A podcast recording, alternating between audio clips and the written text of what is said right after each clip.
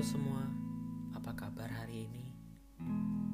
Aku berdoa semoga kalian dalam keadaan yang baik-baik saja, serta selalu diberkahi rahmat dan rezeki dari Tuhan Yang Maha Esa. Amin. Kali ini aku akan membahas arti kegagalan.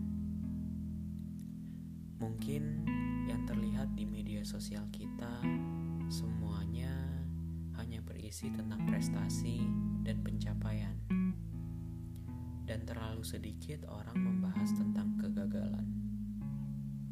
Sakitnya rasa dikecewakan dari sebuah pengharapan yang terkadang berlebihan.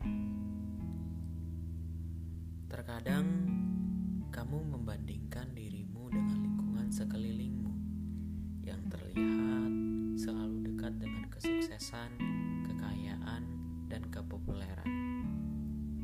Kamu pun menjadi saksi untuk melihat temanmu yang berhasil masuk ke universitas yang dia impikan. Ada pula temanmu yang sudah berhasil bekerja di perusahaan terkenal dengan gaji yang mapan. Serta ada pula teman kamu yang sudah berkeluarga dan hidup dalam kebahagiaan. Selain ada pula temanmu yang dikenal masyarakat luas, yang memberikan dampak ke masyarakat dengan begitu signifikan. Sementara, jika berkaca ke dirimu, kamu merasa bukanlah sosok penting yang bisa dibanggakan, dan terkadang kamu bertanya, apa yang bisa kamu lakukan? Mungkin di antara teman-teman yang mendengar cerita ini, sudah ada yang mencoba dan berusaha. Berusaha untuk dapat masuk ke universitas ternama. Berusaha untuk melamar kerja di perusahaan terkemuka.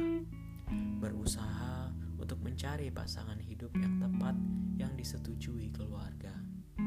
Dan ada pula yang berusaha untuk berbisnis dan membuka lapangan kerja.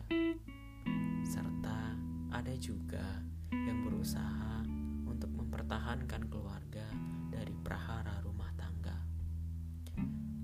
Tapi apa daya, semua berbuah dengan hasil yang kecewa. Semua yang direncanakan gagal bagai debu tertiup angin yang lari entah ke mana. Pikiranmu menjadi kalut, hatimu menjadi gelisah, dan harapanmu pun menjadi sirna. Tapi sesungguhnya teman, kegagalanmu itu, ketahuilah itu diberikan agar hidupmu jadi lebih berarti dan bermakna. Mungkin ada di antara teman-teman yang pernah gagal sekali, dua kali, tiga kali, atau puluhan kali. Hingga bertanya ke diri sendiri, kenapa hidupku ini selalu dicoba bertubi-tubi? Kadang kalian merasakan susahnya untuk memejamkan mata di malam hari karena sakitnya hati dan kecewa pada diri sendiri karena kegagalan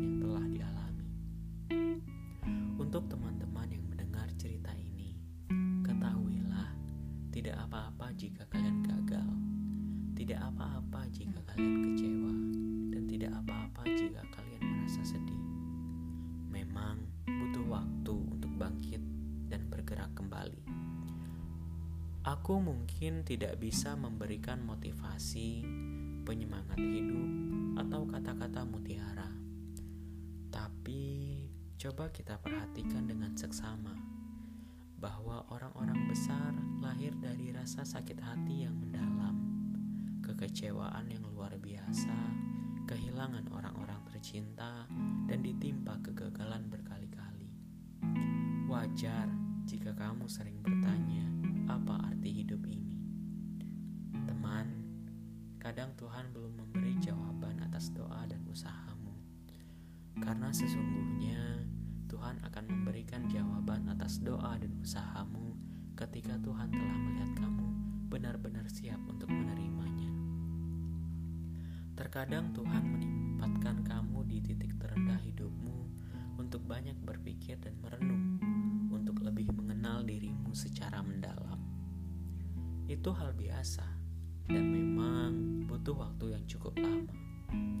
Ada sebuah perumpamaan ketika seseorang jatuh di titik terendah dalam hidupnya, maka akan terjadi dua kemungkinan.